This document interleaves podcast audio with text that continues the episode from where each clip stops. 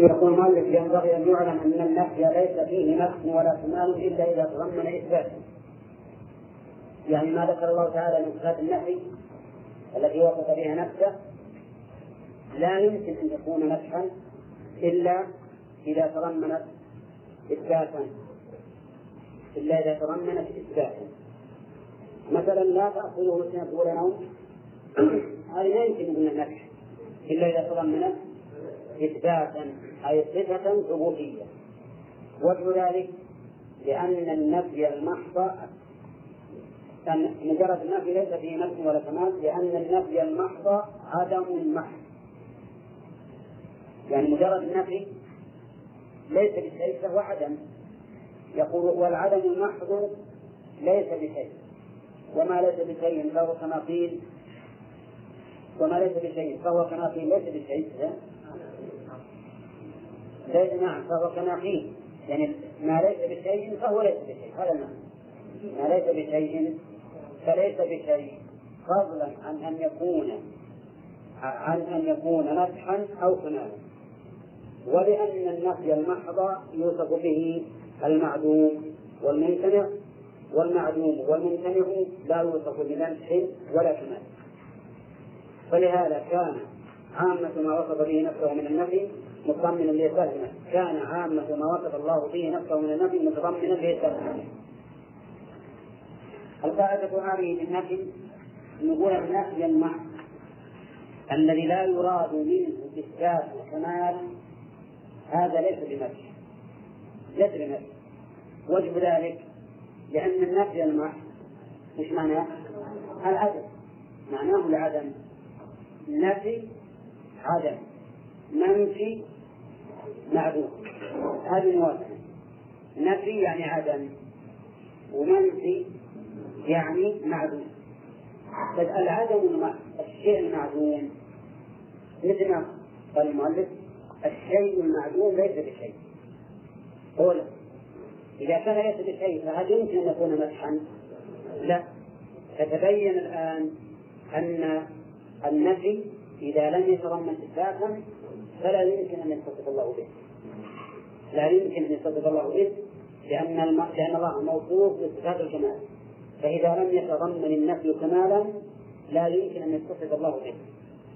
الآن مثلا يا جماعة هذا عندما أقول هذه المروحة لا تأخذها سنة ولا نوم.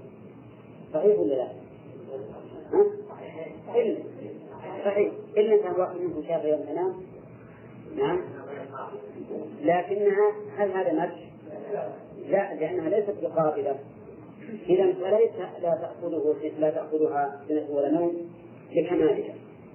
ولكن لأنها غير قابلة لذلك. واضح؟ طيب عندما أقول هذا الرجل الشجاع لا يمكن أن ينام والعدو أمامه. إيش هذا؟ هذا هذا لا ينام والعدو أمامه. شوف هذا رجل شجاع لا يمكن أن ينام والعدو أمامه. هذا واحد. كلمة أخرى هذا لا ينام والعدو أمامه. الأولى ما شيء لكن الثانية ها؟ نشوف نشوف وش هل لا ينام والعدو أمامه من أجل الخوف والذعر أو لا ينام العدو أمامه من أجل القوة ليقضي على عدو على عدوه إذا إذا تحتمل أمرين. إذا لم تتضمن مدحا صارت ليست مدحا صارت ليست مدحا ولا لا؟ ولهذا قال الله عز وجل إذ يغشيكم النعاس في يوم بدر. أمنة منكم. دليل على أنهم ليسوا خائفين فالحاصل نقول النفي المحض ليس بنفي حتى يتضمن إثبات نفي قال الله عن نفسه لا تأخذه سنة ولا نوم. لماذا؟ لكمال حياته وقيوميته. لأن الحياة الكاملة لا تحتاج إلى نوم. الحياة الناقصة تحتاج إلى نوم. لأن النوم ينقض ما سبق من تعب ويستجد نشاطا لما يستقبل أليس كذلك؟ إذا فمعنى هذا أن الجسم أرهق يحتاج إلى راحة. وأنه لا يمكن أن يستمر في نشاطه فيحتاج إلى تجديد نشاط. فيدل النوم عليه؟ على النقص. يدل النوم على النقص. ولهذا كان أهل الجنة لا ينامون لكمال حياتهم. لكمال حياتهم. القيومية كمال القيومية في عدم النوم لأن القيوم هو القائم بنفسه وعلى غيره. القائم بنفسه وعلى غيره كما قال الله تعالى أفمن هو قائم على كل نفس بما كسبت وهو الله. فمن ليس بقائم على كل نفس بما كسبت وهي الأصنام. ولهذا قال وجعل الله شركاء. طيب القائم على غيره هل يمكن أن ينام مع القيام مع تمام القيام على غيره؟ ها؟ لا سيما وأن هذا الغير كل كائن في السماء والأرض فما دام الغير الذي الله قائم عليه كل كائن في السماء والأرض فهذه الكائنات محتاجة إلى مراعاتها وإنجابها وإعجابها وإيجابها وإعدامها في كل لحظة فلا يمكن أن ينام بكمال إيش؟ قيوميته بكمال قيوميته صار الآن نفي السنة والنوم تضمن مدحا ولا لا؟ تضمن إثباتا ولا لا؟ ما هو الإثبات الذي يتضمنه؟ كمال حياته وقيوميته هذا الانتباه الآن صار القاعدة عندنا في النفي وش القاعدة؟ أنه لا يعتبر ولا يصح أن يكون كمالا إلا يضمن إثبات هذا الإثبات الذي يتضمنه هو كمال ضد ذلك المنفي. كمال ضد ذلك المنفي. فإذا نفى الله عن نفس النوم والسنة. معناه استفدنا من هذا فائدتين الأولى ما دل عليه اللفظ بالمطابقة وهو عدم السنة والنوم. والثاني ما دل عليه اللفظ بالالتزام وهو كمال الحياة والقيوم طيب نفى الله عن نفسه الظلم نفى الله عن نفسه الظلم لماذا؟ لكمال عدله لا لا لنفي الظلم المطلق. لا لنفي الظلم المطلق. لو كان لمجرد النفي لم يكن ذلك مدحا. فربما يكون جمعا فربما يكون جمعا وأنا قلت مثلا لو قلنا هذه المروحة لا تغلب أفي ذلك مثل لها؟ ليش؟ لأنه عدم القابلية ولا يتضمن إثباتا أنا نقول لا تضمن لأنها عادلة. نعم. طيب لو قلنا في رجل ضعيف مهين هذا الرجل لا يغلب هل هذا مدح هذا ذنب الآن صار النفي الآن الأول نزل على مدح ولا ذنب لعدم القابلية وهنا دل على ذنب لأنه استلزم إثبات صفة نقص استلزم إثبات صفة نقص ومنه قول الشاعر مبينة لا يظلمون لا يغدرون بذمة ولا يظلمون الناس حتى خردل. مبينة لا يغدرون بذمة ولا ولا يظلمون الناس حتى خردل ليش؟ لكمال عدلهم ووفائهم. ولا لعدلهم وعدم قدرتهم؟ نعم. لعدلهم وعدم قدرتهم وكذا قول الشاعر لكن قومي وإن كانوا ذوي حسب ليسوا من السب في شيء وإن هانوا يجدون من ظلم أهل الظلم مغفرة ومن إساءة أهل السوء إحسانا نعم. وليسوا من السب في شيء هذا نفي من كتابهم الشر لكن ما رأيكم؟ هل هو متضمن للمدح ولا لا؟ بالعكس للذنب ولهذا قال فليس لي بهم قوما إذا ركبوا شنوا الإغارة فرسان وركبان. فليس لي بذلك أحد. ما يكون بهذا بهذا الوضع. فتبين بهذا يا جماعة أن ما نفى الله عن نفسه يجب أن يكون مستلزما شوفوا بإثبات صفة كمال لإثبات صفة كمال هذا الكمال هو نقيض ما نفى الله عن نفسه. هو نقيض ما نفى الله عن نفسه. طيب ما السؤال يا أبو المحض الخالص. المحض الخالص ما ما شيء. طيب يقول المؤلف رحمه الله الوجه الثاني كما قال لأن مجرد ما في ليس فيه نفس أيضا يقول ولأن النفي المحض يوصف به المعدوم والممتنع والمعدوم والممتنع لا يوصف بمدح ولا كمال المعدوم والممتنع يوصف بأنه بالنفي المحض. تقول بل قال الله عز وجل هل أتى على الإنسان شيء من حين من الدهر؟ لم يكن شيئا مذكورا. لم يكن شيئا مذكورا. هذا نفى أن يكون شيئا. لماذا؟ لأنه معدوم. هل أتى على الإنسان حين من الدهر؟ لم يكن شيئا مذكورا. لك الله أن يكون الإنسان شيئا لأنه لأنه معدوم. فالنفي إذا يكون في المعدوم والمعدوم ليس بشيء. نعم. يكون في شيء ممتنع يكون شيء شيء ممتنع لم يكن له كفوا أحد. هذا نفي. نفي لشيء ممتنع ولا لشيء ممكن لكن لم يوجد. لشيء ممتنع لم يكن الإنسان خالقا نفسه. هذا نفي. لشيء ممتنع لا أثر بدون مؤثر نفي لشيء ممتنع إذا ما دام أن النفي المحض يوصف به شيء شيء معدوم وممتنع فإذا لا يمكن أن يكون ما نفى الله عن نفسه من الصفات مجرد نفي فقط بل لا بد من إثبات كمال فلهذا كان عامة ما يوصف الله به ما وصف الله به نفسه من نفي متضمنا لإثبات نفسه متضمنا كقوله الله لا إله إلا هو الحي القيوم لا تأخذه سنة ولا نوم.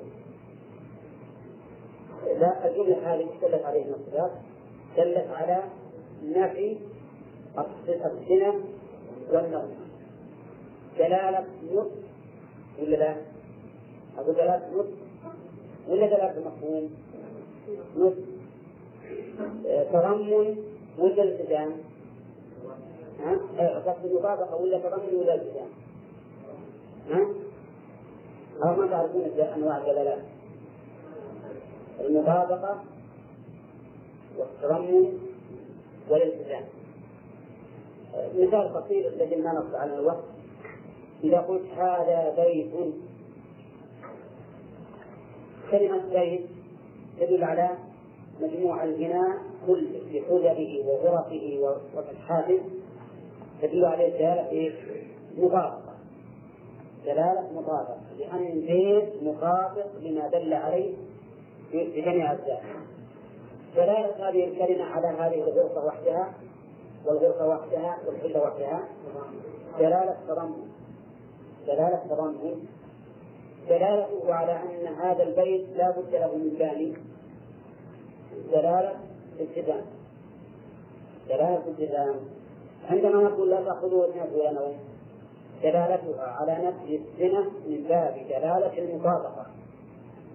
ودلالتها على كمال حياته وقيوميته من باب دلالة الالتزام. ولهذا يقول المؤلف ولهذا كان متضمنا لإثبات النفس كقوله الله لا إله إلا هو الحي القيوم لا تأخذه سنة ولا نوم وكقوله إلى قوله ولا يقوله حسبهما فنفي السنة والنوم يتضمن كمال الحياة والقيام فهو مبين لكمال أنه الحي القيوم.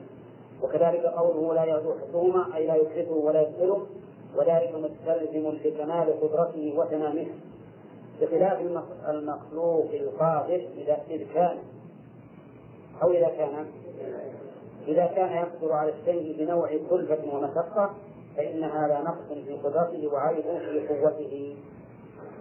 أظن واضح. تطبيق للقاعدة بس فقط. وكذلك قوله لا يعزب عنه مثقال ذرة في السماوات ولا في الأرض. لا يعزب لا يغيب. آه، فإذا فإن نفي العزوب مستلزم لعلمه بكل ذرة في السماوات والأرض. إذا لا يعزب عنه مثقال ذرة لكمال بكمال بكمال علمه بكل شيء. وكذلك قوله ولقد خلقنا السماوات والأرض وما بينهما في ستة أيام وما مسنا من لغوب.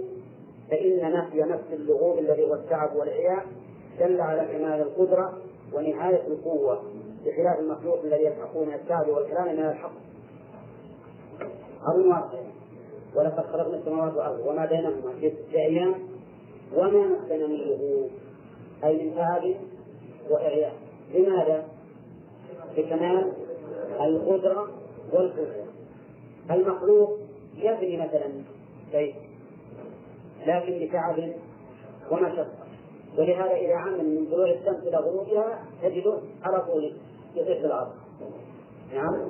يعني يتعب بخلاف الخالق سبحانه وتعالى فإنه لا يتعب ولا يعجز والله أعلم.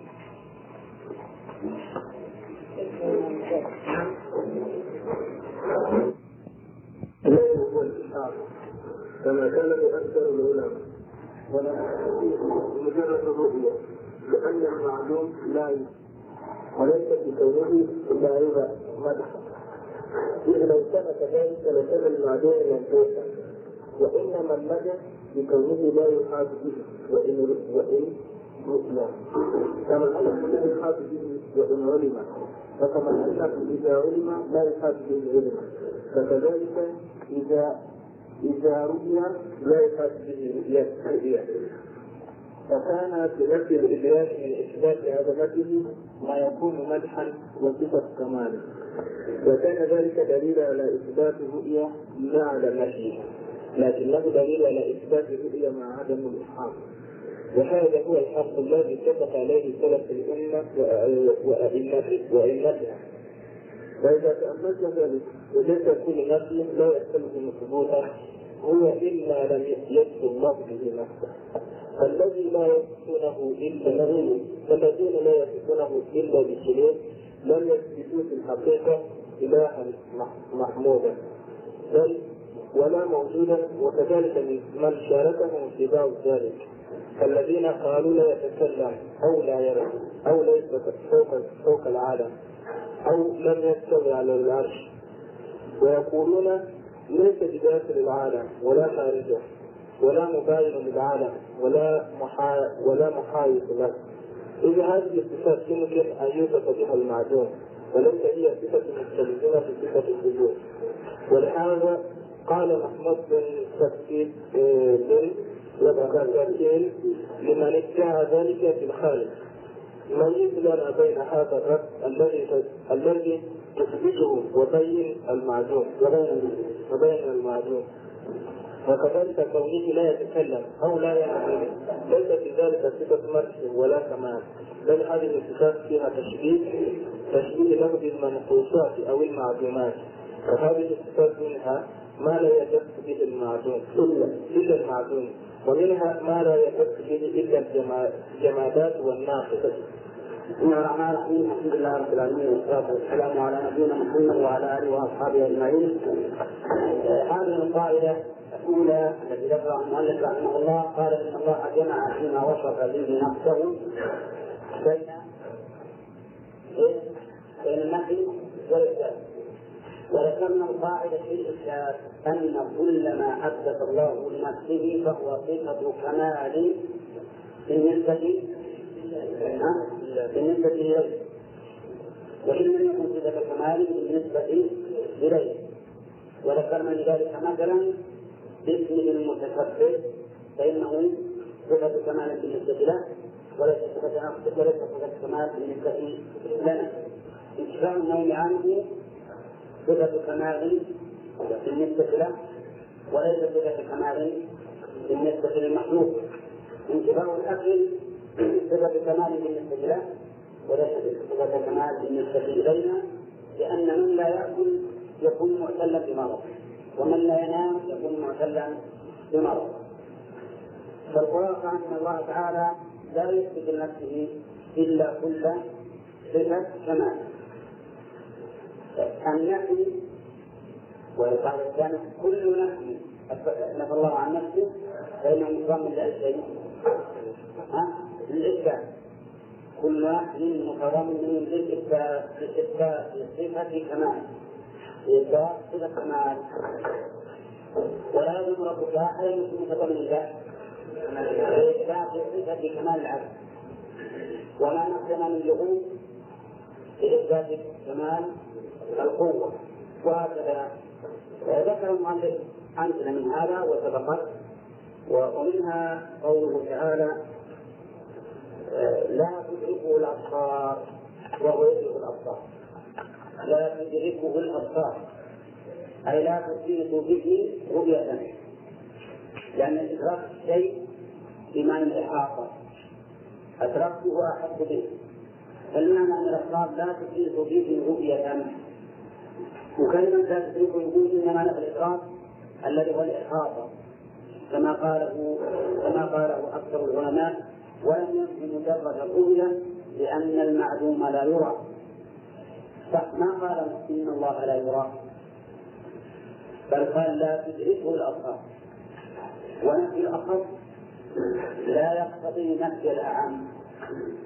نفي الأخص لا يقتضي نفي الأعم. مش معنى الأخص يقتضي نفي الأعم؟ يعني أن نفي الإدراك. ترى الشيء ولا تدركه لا ينفي أنك تراه كونك ترى الشيء ولا تدركه. لا ينفي أنك تراه فقط. تراه بالإدراك نحن نرى لكن هل نحن ندركها؟ فنفي الأخص قاعدة معروفة عند العلم لا يقتضي نفي الأعم سواء كان ذلك في المحسوسات أو كان ذلك في المعنويات. عندما تقول مثل فلان لا يجيد الحق. فلان لا يجيد الحق. هل معنى ذلك لا يكتب؟ لا ما يلزم انه يمكن يكتب لكن بدون بدون إجازة. يمكن يكتب بدون إجازة. فلان آه لا يحسن التعبير. هل معناه لا يعبر؟ نعم لا لا. فنحن يعني لا يجيد التعبير ولا يحسنه أنه الأخص معنويا كان أم حسيا لا يستلزم نفي الأعم لا تدركه الأبصار لم يقل لا تراه الأبصار لو قال لا ترى صحيح. ما نفي الرؤية. لكن لا تدركه أخص من الرؤية. قول شبه أخص لأن الشيء قد يرى ولا ولا يدرك. قد يرى ولا يدرك. فأنت إذا نفيت الإدراك لكن معنى ذلك أنك نفيت أصل الرؤية. ولهذا استدل بعض العلماء في هذه الآية على إثبات رؤية الله. هذه الآية استدل بها من ينكر أن الله يرى واستدل بها من يقول إن الله يرى. وأي أفعل الدلالة؟ أي المسلم الذي يقول إن الله يرى؟ الذي استدل بها على أن الله يرى ولا المسلم وذلك لأن نفي الإدراك يدل على وجود أصل الرؤية. ولو كان أصل الرؤية مقبولا لقال لقال لا أرى لأن كونه يعبر عن رؤية عن أصل الرؤية بالإدراك هذا إلغاز وليس بيانا. والكلام بيان. وإن لم يقول المؤلف رحمه الله ولم ينفي ولم ينفي مجرد الرؤية لأن المعلوم لا يرى وليس في كونه لا يرى نفسه إذ لو كان كذلك لكان المعلوم ممدوحا وإنما المدح في كونه لا يحاط به. الحقيقة قول المؤلف لأن المعلوم لا يرى هذا قد يعارض فيه من يعارض. ويقول إذا كان الموجود محسوبا فإنه موجود لا يرى. حركة الإنسان إجماعا المؤلف يقول لأن المعلوم لا يرى. لكن قد نقول لا يرى لا لكونه معلوما ولكن لكونه محسوبا. الآن مثلا لو أن أحدا خلف هذا الجدار لكنا لا نرى لأنه معدوم ولا لأنه محدود لأنه محدود ولكن الجواب على هذا أن يقال إن هذا المحدود من شأنه أن يرى لولا المانع. من شأنه أن يرى لولا المانع. إذا الذي لا يرى مطلقا بدون موانع هو المعدود الذي لا يرى مطلقا بدون موانع هو المعدود وأن المحدود صحيح أنه لا يرى لكن لوجود مانع كما لو كان إنسان حاضر ليس بينه وبين الرجل الأعمى إلا سنتيمتر فإن هذا الرجل الأعمى يرى لا؟ يرى لأنه معدوم ولا لوجود المانع؟ لوجود المانع إذا نقول لا إن الله لا يتمسك بكونه لا يرى. لأن الأصل فيما لا يرى شرط العدم. فكلام المؤلف إذا تبين أنه لا معارض له. وأنا قلت لكم ربما نعارض كلام المؤلف ولكن أجل لأن هذه المعارضة شو عليه؟ على وجود مانع. على وجود مانع. لا اختلاف. شرط فالذي لا يرى بكون الإنسان أعمى أو لا يرى بكونه حائلا بين بكونه حال بينه وبين التجارة أو الشجرة. هذا ليس معناه أنه ليس بموجود لكنه موجود وجد له مانع طيب يقول وإنما النفس في كونه لا يدرك في كونه؟ وإنما النفس في كونه لا يحاط به وإن هري كما أنه لا يحاط به وإن هري فكما فكما أنه لا فكما أنه إذا علم لا يحاط به علم فكذلك إذا رؤي لا يحاط به رؤية فكان في نفس الإدراك من إثبات عظمة ما يكون مسحا وصفة كمال وكان ذلك دليلا على إثبات الرؤية لا على نفيها. وش اللي على إثبات الرؤية؟ نفي الإدراك. الإدراك. نفي الإدراك. بين النفي الإدراك دل على أمرين. كمال عظمة الله. لأنه لعظمته لا يدرك. ولا لا؟ والشيء العظيم ما يدرك ما تدركه لو أن هناك جبلا كبيرا واسعا أو بحرا عميقا واسعا ما استطعت أن تدركه لأي شيء. لعظمته وكذلك لو كان شيئا بعيدا رفيعا عاليا أو منيرا يحجب الرؤيا أو ما ذلك ما رأيته من أجل عظمته فنفي إدراك الرؤيا. بالنسبة لله دليل على الكمال ونفي الإدراك دليل على إثبات الرؤية. ووجهه لكنه دليل على إثبات الرؤية مع عدم الإحاطة وهذا هو الحق الذي اتفق عليه سلف الأمة وأئمتها. وإذا تأملت ذلك وجدت كل نفس لا يستلزم ثبوته هو مما لم يصف الله به نفسه. ها؟ كما يعلم الأمر كما يعلم الله.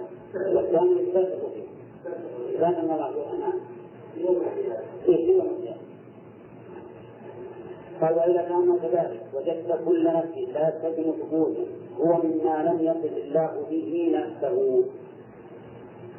وهذه سبقت من قريبا من القاعدة في ما الله عن نفسه أنه لأن متضمن القاعدة فيما نفى الله عن نفسه. أنه متضمن إثبات صفة كمال إثبات صفة كمال فيما نفى الله عن نفسه. فهو متضمن لإثبات صفة كمال طيب. والذين لا يصفونه إلا بالسجود لم يثبتوا. في الحقيقة إلها محمودا بل ولا موجودا وكذلك من شاركهم في بعض ذلك كالذين قالوا لا يتكلم أو لا يرى أو ليس فوق العالم. أو لم يستوي على العرش. الذين يصفونه بالسلوك مطلقا كما مر. يقول لا موجود ولا معلوم ولا جاهل ولا عالم ولا حي ولا ميت ما يصفونه إلا بالذات إما يشاركونهم في هذا لكن لا في كله مثل قالوا لا يتكلم. والذين قالوا إنه لا يرى. واللي قالوا ليس فوق العالم. واللي قالوا ليس مستويا على العرش. هذا لو وقعوا في اي شيء. في السلوك ترى معناها النفي سلوك جمع مثال الدين وهو النفي من اللي قالوا بهذا؟ الأشعرية قالوا إن الله يتكلم. لكن فسروا الكلام بما ليس بالكلام. قالوا كلام الله. هو المعنى القائم بذاته بنفسه. المعنى القائم بنفسه وليس الصوت أو الحروف فهم فسروا الكلام بما ليس بالكلام. الذين يقولون لا يرى. نفس الأشعرية يقولون إن الله لا يرى. مستحيل أن الله يرى لا في الدنيا ولا في الآخرة. الذين قالوا ليس فوق العالم هم أيضا الأشعرية. يقولون إن الله ليس فوق العالم. واللي يقول إن الله فوق العالم مجسم ممثل. نعم ليس العلو يقولون العلو الذي أثبت الله لنفسه إنما هو علو الصفات فقط. وليس علو الذات فالذين حاولوا أن على العرش من؟ الأشعرية أيضا الأشعرية يقولون إن الله لن يستوى على العرش. إيش معنى استوى على العرش؟ استولى على العرش. استولى على العرش. وليس استوى عليه. فعل قد وجه بطلان هذا التفسير ويقولون إن الله هم يقولون الله فوق العالم ولم العرش فأين الله؟ يقول ليس بداخل العالم ولا خارجه ولا مباين ولا ولا عند ولا مجانب. عندكم ولا محايد؟ ولا محايد. ولا محل له متأكد المحايد مجاز لأن المحايد معناه أن يكون في مكان آخر. إيش بعد عندكم؟ هذه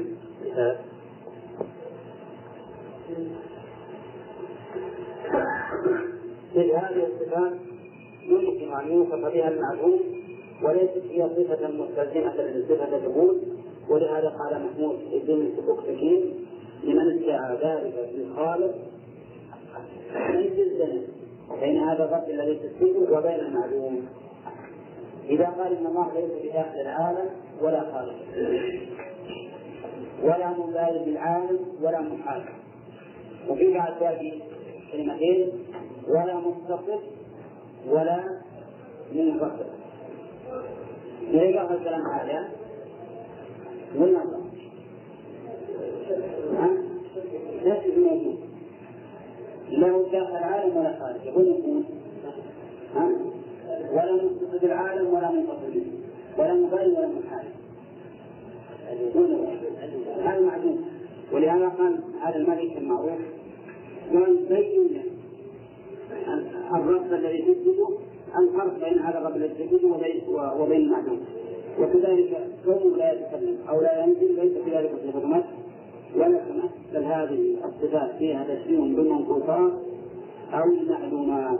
فهذه الصفات منها ما لا يتصف به إلا المعلوم ومنها ما لا يتصف به إلا الجنازات والناقص. ومثلا نفي الكلام.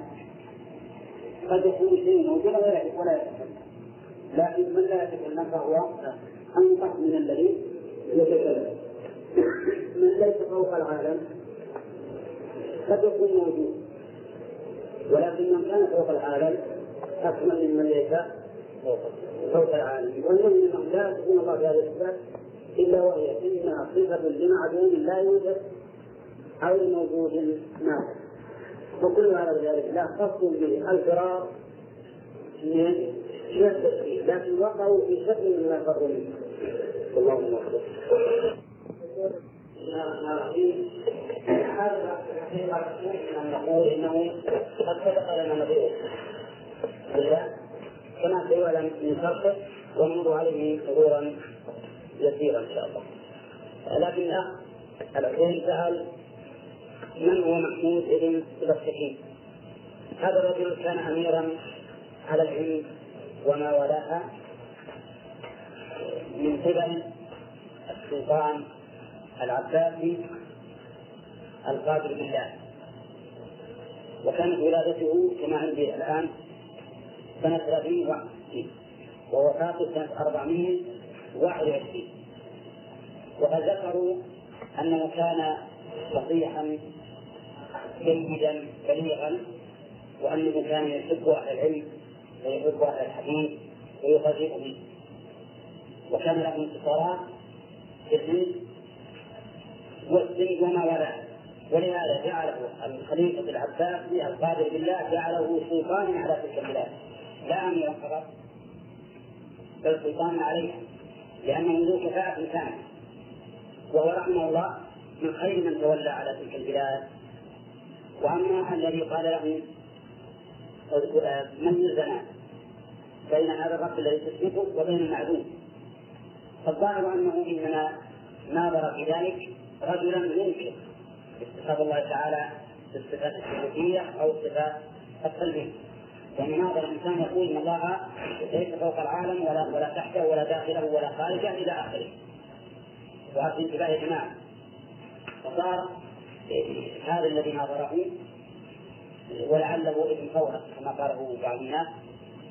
ابن فورك المعروف المعتزلي. فيمكن أنه ناظره أو غيره المهم أن المفهوم من الكلام أنه ناظر شخصا إيش يقول في الله؟ ها؟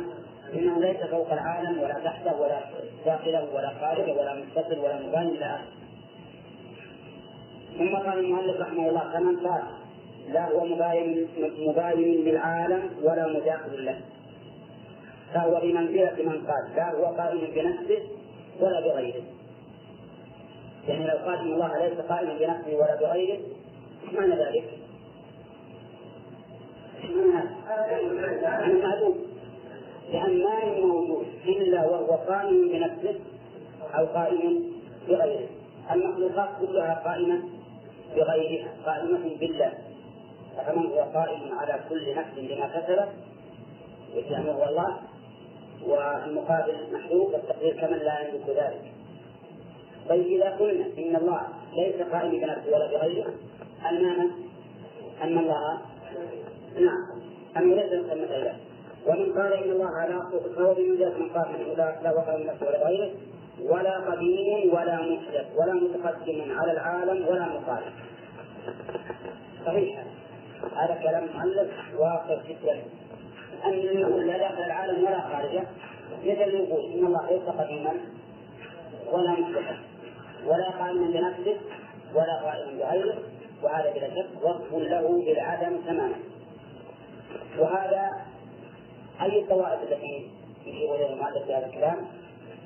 الغلاة الذين سلبوا عن النفي والإثبات ومن قال إنه ليس بحي ولا سميع ولا بصير ولا متكلم وهؤلاء الذين نهوا عنه الصفات من الأسماء وهم الجهمية والمعتزلة يقول لازمه أن يكون أن يكون ميتا.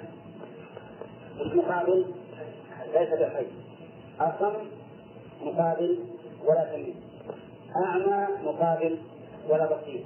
أبكم مقابل مقابل ولا متكلم فإن قال العمى عدم البصر عما لسانه أن يقبل البصر وما لم يقبل البصر كالحائط لا يقال له أعمى ولا بصير. يعني جاء من هذا من باب تقابل تقابل العالم والملك. قلنا له هذا اصطلاح من اصطلاح هذا اصطلاح اصطلاح وأنتم تقولون إن الجماد لا يحب الحياة والموت والله تعالى قد وصفهم بالحياة والموت. أموات غير أحياء واصطلاحكم هذا لا يغير الحقائق ولا يغير الألفاظ عن مدلولها واضح؟ وإلا وإلا يوصف بعدم الحياة والسمع والبصر والكلام يمكن وصفه بالموت والعمى والخرف والعمى إذا هذا الاصطلاح هل يغير الحقائق؟ لا ولهذا يقول الذي يوصف بعدم الحياة والسمع والبصر يقال هذا ليس بحي يمكن أن نقول إنه ميت. الزار هذا ليس بحي أليس كذلك؟ الحديد ليس بحي يصح أن نصف ما ليس بحي بأنه ميت. قال الله تعالى كيف تكفرون بالله وكنتم أمواتا فأحياء ثم يميتكم ثم يحييكم. أمواتا نفى هذا كنتم أمواتا يطعم قبل أن تنفخ فيه النبوة فسمى ما ليس بحي سماه ميتا مع أن الموت كما هو معروف يرد على الحياة إلا الحياة ترد على الموت. الحياة. ومع ذلك؟ سمى الله تعالى ما لم ترده الحياة ما لم تحل الحياة ميتا فيقول المؤلف كما يوصف بعدم الحياة والسمع والبصر والكلام يمكن وصفه وشوفه بالموت والعناء والخرف والعسر واضح؟ لا عدم العلم نعم. العلم عدم الكلام. عدم الكلام. نعم. لا لا اطلعوا على أن الشيء الذي ليس قابلا ليس قابلا للصرف على الوصف ان يمكن الكلام الوصف هو عدم قال المؤلف رحمه الله وأيضا هذا جواب ثالث فكل موجود يقبل الاتصاف في هذه الأمور ونقائضها من حيث قدرة الله. كل موجود فإنه يقبل الاتصاف في هذه الأمور ونقائضها من حيث من حيث قدرة الله. قال فإن الله قادر على جعل الجماد حيا. وإن كان بالعاده ليس بحي. ليس بحي. لكن أليس الله قادرا على أن يجعله حيا؟ نعم والمثال على ذلك كما جعل عصا موسى حية ابتلعت الجبال والعصر يعني جمال صار حيا يتحرك ويريد ويقصد. فإذا خلقه ما يأتي فبهذا تبين ان كل موجود يمكن أن يكون حيا. في دين الله. بالنسبة لصفه الله يمكن أن يكون حيا الأرض يومئذ تحدث اخبارها جعل الله. ناطقة. جعل الله ناطقة. والحصى سمع تصديقه بيد النبي عليه الصلاه والسلام وسلم. عليه الحجر نعم. ومع ذلك أنتم تقولون هذا يقول إنه لا يقبل الكلام. صحيح ان الصلاة لا يقبل الكلام لكن الله قادر على أن يجعله متكلما هذا الجوابين الجواب الأول أن نقول إن التفريق بين قول هذا يقبل ولا يقبل. اصطلاح منكم والاصطلاح لا يغير الحقيقة. بدليل أن ما زعمتموه غير ممكن ولا قابل قد جعله الله تعالى ممكنا وقابلا فوصف ما ليس بحي وصفه بالموت وصف الجمادات بالموت ووصف الإنسان قبل أن تستحضره بالموت ثانيا نقول حتى الشيء الذي لا تحله الحياة فإن الله قادر على أن يجعله حيا قادر على أن يجعله حيا. فيصح نفي الحياة عنه وإن كان لا يقبلها بحسب العادة باعتبار أن الله قادر على شرط أن يجعله حيا. وجه ثالث قال وأيضا الذي لا يقبل الاتصال بهذه الذي لا يقبل الاتصال بهذه الصفات اعظم نقصا مما لا يقبل الاتصاف بها مع اتصافه بنقائضها. يعني الشيء الذي لا يمكن لا يمكن أن يتصف بهذه الصفات. والشيء الذي يمكن لكن يتصف بالنقائض. يقول المؤلف أين أكمل؟ أين هذا النقص؟ شيء لا يقبل الكمال ولا النقص وشيء يقبل الكمال يقبل أن يكون كاملا لكنه يتصف بالله أي هذا النقص؟ الأول ليه؟ لأن الأول لا يمكن أن يرد عليه الكمال لأن الأول لا يمكن أن يرد عليه كمال والثاني يمكن أن يرد عليه كمال لكنه نقص أبي الإمام نشوف هل يمكن مناقشة المؤلف في هذا الكلام ولا لا؟ المؤلف يقول ما لا يقبل الاتصاف بهذه الصفات.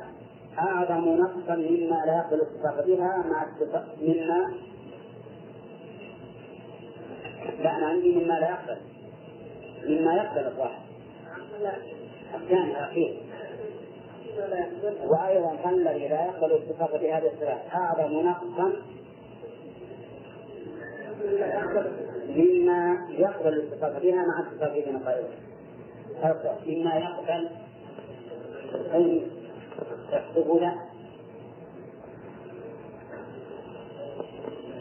مما يقبل الاتصاف بها مع اتصافه بمقرره نعم. ترى من لكن ها؟ يقول هو الصبر جدا. طيب. أقول ما يقبل الاتصاف بهذه الصفات ما ما لا يقبل الصفات أعظم نقصا مما يقبل الاتصاف بها مع اتصافه بنقائصه مثال الجماد الذي لا يدرك البصر ولا بالعم ولا العمى ولا الكلام ولا الخلق أعظم نقصا من الحي الأعمى الأصغر صحيح؟ لأن الحي الأعمى الأصغر يقبل أن يكون كاملا. يقبل الكمال فيكون حيا مبصرا متكلما لكن الجدار يمكن أن يكون كذلك. ما يمكن؟ لا يمكن. فأيهما أعظم نقصا؟ ما لا يقبل اتصاف بالكمال أو ما يقبله معه بضده